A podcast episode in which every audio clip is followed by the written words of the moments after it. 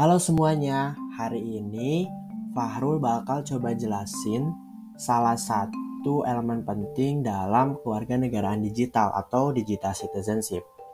Kalian pada tahu nggak hari ini aku bakal jelasin apa?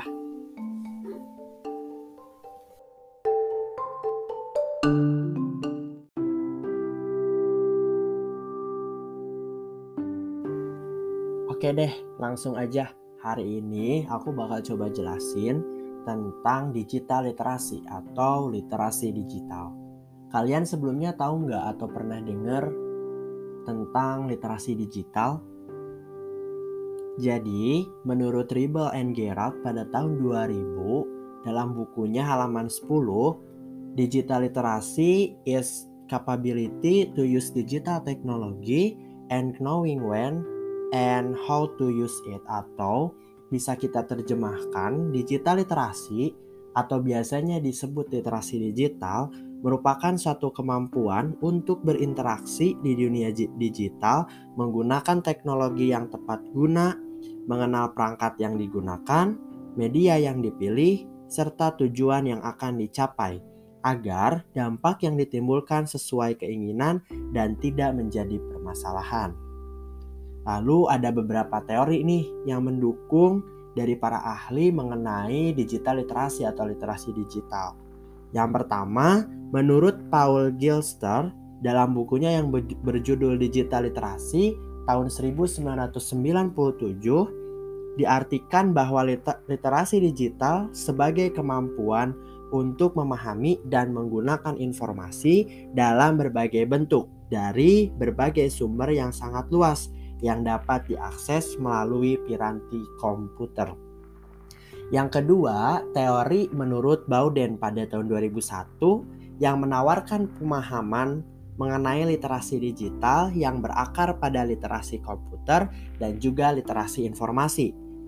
Teori Bowden ini adalah teori yang memang menawarkan pemahaman baru yang sebelumnya dirangkai oleh Paul Gilster. Dan yang terakhir, menurut Douglas Belswell pada tesisnya yang berjudul What is Digital Literacy pada tahun 2011 mengatakan bahwa ada 8 elemen esensial untuk mengembangkan literasi digital.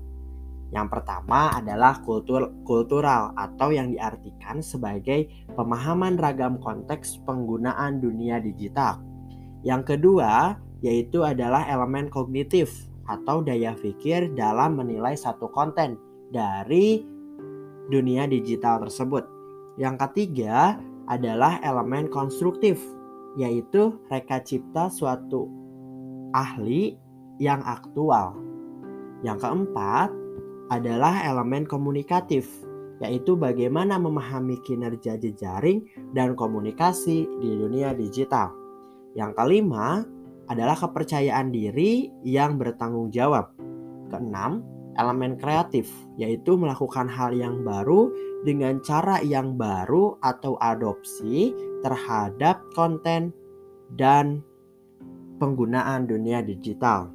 Yang ketujuh adalah kritis dalam menyikapi konten dan yang terakhir, yang kedelapan yaitu bertanggung jawab secara sosial.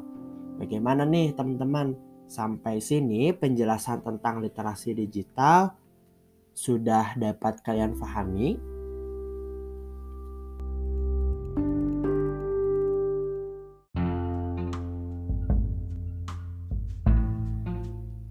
Oke teman-teman, supaya kita bisa lebih paham lagi nih mengenai literasi digital, aku punya beberapa konsep dari ahli yang mengemukakan tentang literasi digital.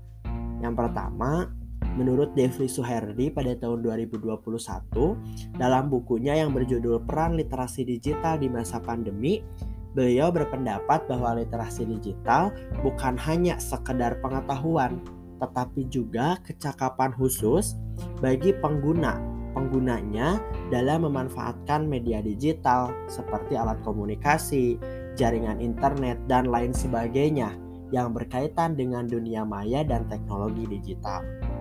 Yang kedua, menurut Yuda Prada, dalam bukunya yang berjudul Atribusi Kewargaan Digital dalam Literasi Digital yang diterbitkan pada tahun 2018, literasi digital memiliki empat prinsip dasar. Yang pertama, prinsip pemahaman. Artinya, masyarakat memiliki kemampuan untuk memahami informasi yang diberikan media, baik secara implisit maupun eksplisit. Yang kedua, prinsip saling ketergantungan. Artinya, antara media yang satu dengan yang lainnya saling bergantung dan berhubungan. Media yang ada harus saling berdampingan dan saling melengkapi satu sama lain.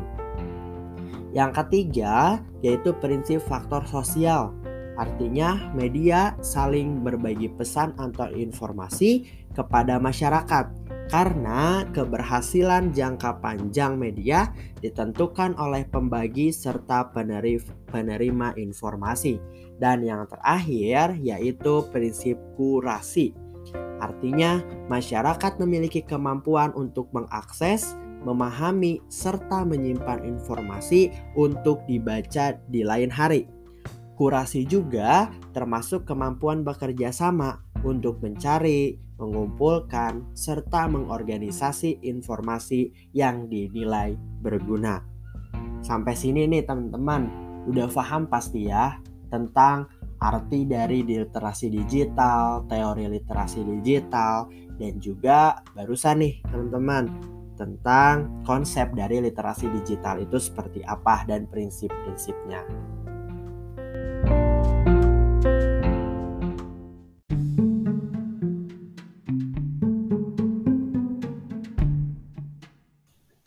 Nah, selanjutnya ada satu konsep, ada satu teori dan juga ada prinsip dari literasi digital yang sebelumnya udah aku bacain.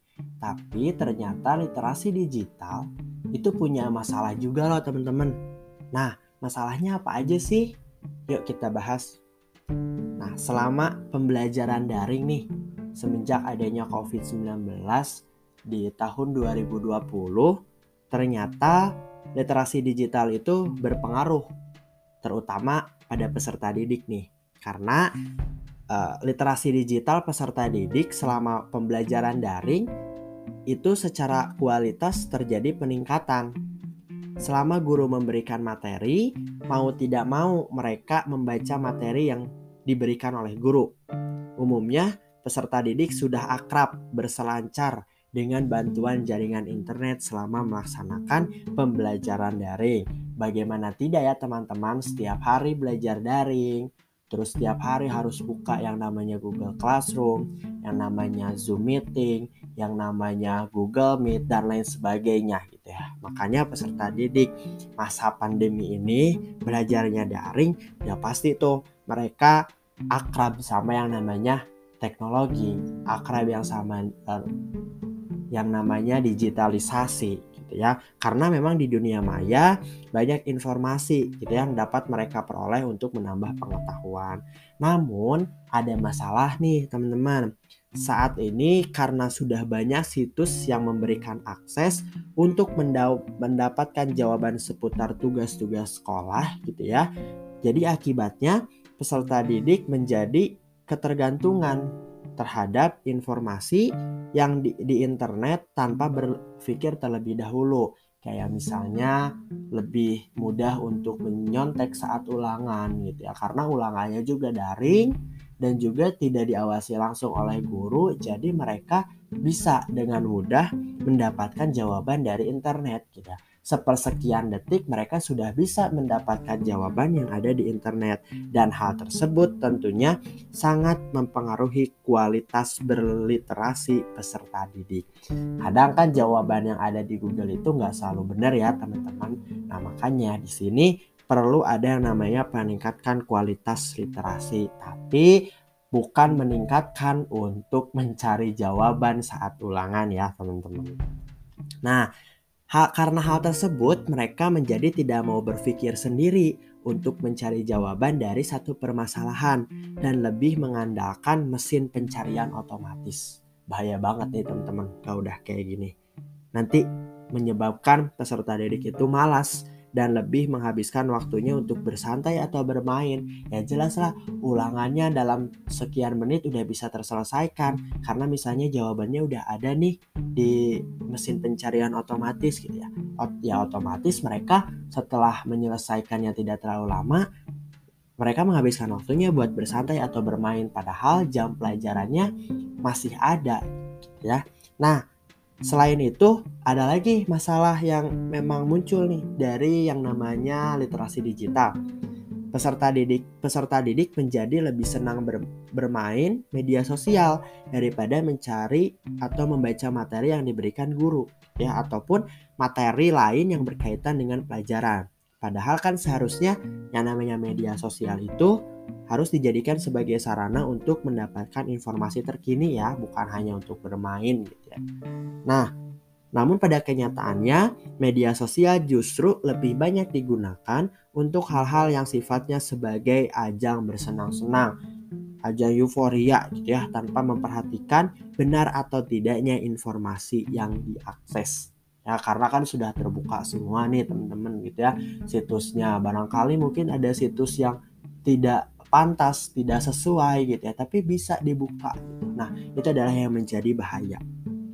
Lalu durasi membuka media sosial juga umumnya lebih sering dan lebih lama dibandingkan untuk belajar daring gitu ya. Kadang eh, sebelahnya belajar, terus sebelahnya main game, kan itu jadi nggak fokus juga gitu ya. Nah itu adalah masalah gitu ya, masalah dari literasi digital. Dengan munculnya permasalahan dalam literasi digital, umumnya pada peserta didik yang tadi beberapa yang aku bacain, ya khususnya di masa pandemi ini yang serba daring, apa-apa daring, apa-apa daring gitu ya. Nah maka kualitas literasi digital khususnya pada peserta didik ini perlu diperhatikan. Permasalahan-permasalahan tersebut dapat diatasi dengan cara mengembangkan minat membaca dan menulis peserta didik serta pembatasan dalam menggunakan media sosial sebagai ajang kesenangan. Misalnya dibatasi nih, boleh main, boleh main game online gitu ya, atau uh, boleh cari-cari uh, hiburan lah di YouTube, tapi memang harus dibatasi setelah menyelesaikan pelajarannya, setelah menyelesaikan tugasnya baru gitu ya, boleh yang namanya hiburan. Itu pun tidak selamanya gitu misalnya beres misalnya pelajarannya beresnya siang nih gitu. nggak berarti dari siang itu boleh nonton YouTube main game sampai malam gitu. Nggak tapi harus ada pembatasan. Misalnya satu jam atau dua jam boleh silakan hiburan e, selanjutnya istirahat dan selanjutnya bisa belajar atau mengulang materi materi sebelumnya ya. Lalu guru atau pihak sekolah juga ya itu dapat melakukan kegiatan secara online yang memang menumbuhkan minat dan bakat uh, peserta didik gitu ya. Supaya peserta didik tidak hanya main game, tidak hanya mencari hiburan atau kesenangan dalam media sosial, tapi bisa uh, misalnya nih mengadakan lomba cipta puisi, menulis cerpen dan karya sastra lainnya tapi yang berbasis online gitu ya. Jadi mereka juga nanti minat bakatnya bakal tersalurkan tuh gitu ya daripada main game, daripada mencari kesenangan gitu ya, cari-cari video di YouTube mending nulis cerpen, mending baca puisi gitu ya. Nanti bisa dikirimkan atau diupload secara online nih. Misalnya diupload di Instagram gitu ya atau bikin blog atau lain sebagainya. Ya. Lalu dapat memanfaatkan media sosial juga untuk mengupload karya ya seperti yang aku bilang sebelumnya. Misalnya ada yang senang nulis daripada main game mending nulis terus diupload ke blog gitu ya. Atau misalnya ada yang sering bikin poster karena misalnya desainnya bagus bisa tuh dibikin infografis tentang mata pelajaran satu bab tertentu terus diupload ke Instagram. Itu jadi bermanfaat buat dia mengembangkan bakatnya dan bisa dibaca juga oleh orang lain. Jadi bermanfaat juga oleh orang lain. Dan di sini peran guru juga sangat penting. Karena guru sebisa mungkin harus lebih kreatif dalam memberikan penugasan agar peserta didik tertantang untuk berpikir dan tidak selalu mengandalkan internet untuk memecahkan permasalahan Jadi di sini tadi peran guru memang sangat penting, tapi peran orang tua juga tidak kalah penting nih teman-teman. Ah, karena memang dalam pembelajaran daring sekian persennya lebih banyak itu adalah peran orang tua karena kalau di rumah ya guru nggak bisa gitu ya. Nggak bisa untuk mendatangi rumah murid satu persatu memantau belajarnya gimana. Tapi orang tua di sini harus berperan penting gitu ya. Makanya guru dan orang tua harus bekerja sama. Bagaimana caranya untuk membatasi untuk mengelola yang namanya media sosial dan teknologi untuk anak-anaknya belajar. Gitu. itu teman-teman sedikit penjelasan tentang masalah, terus dampaknya dan juga solusi dari satu permasalahan tentang literasi digital. Sebenarnya nggak satu ya tadi banyak banget gitu yang uh, masalahnya. Terus apa, apakah kita mampu menyesuaikannya dalam permasalahan-permasalahan tersebut? Aku yakin kita bisa dan kita mampu. Kenapa tidak ketika teknologi sekarang makin berkembang, ya kita harus bisa memanfaatkan secara bijak teknologi tersebut. Bukan kita yang diperbudak oleh teknologi, tapi kita yang harus mengelola teknologi itu dengan baik. Toh pada dasarnya, teknologi itu tidak akan ada loh tanpa manusia. Nah, itu berarti manusia kedudukannya lebih tinggi daripada teknologi dan aku yakin karena manusia kedudukannya lebih tinggi daripada teknologi, berarti manusia juga mampu menyesuaikan terhadap teknologi tersebut. Ya. Saran dari aku adalah bijaklah menggunakan teknologi dan media sosial.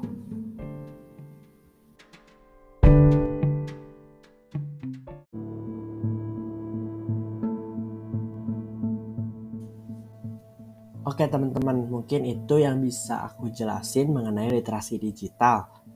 Pengertiannya, konsepnya, teorinya, prinsip, dan juga masalah, dampak, serta solusinya. Dan juga bagaimana kita harus menyikapi masalah dari digital literasi tersebut. Terima kasih teman-teman atas perhatiannya. Mohon maaf kalau misalnya ada salah-salah kata atau mungkin ada kesalahan dalam pengutipan dan teori yang aku bacain. Sekali lagi makasih teman-teman. Selamat mendengarkan episode selanjutnya.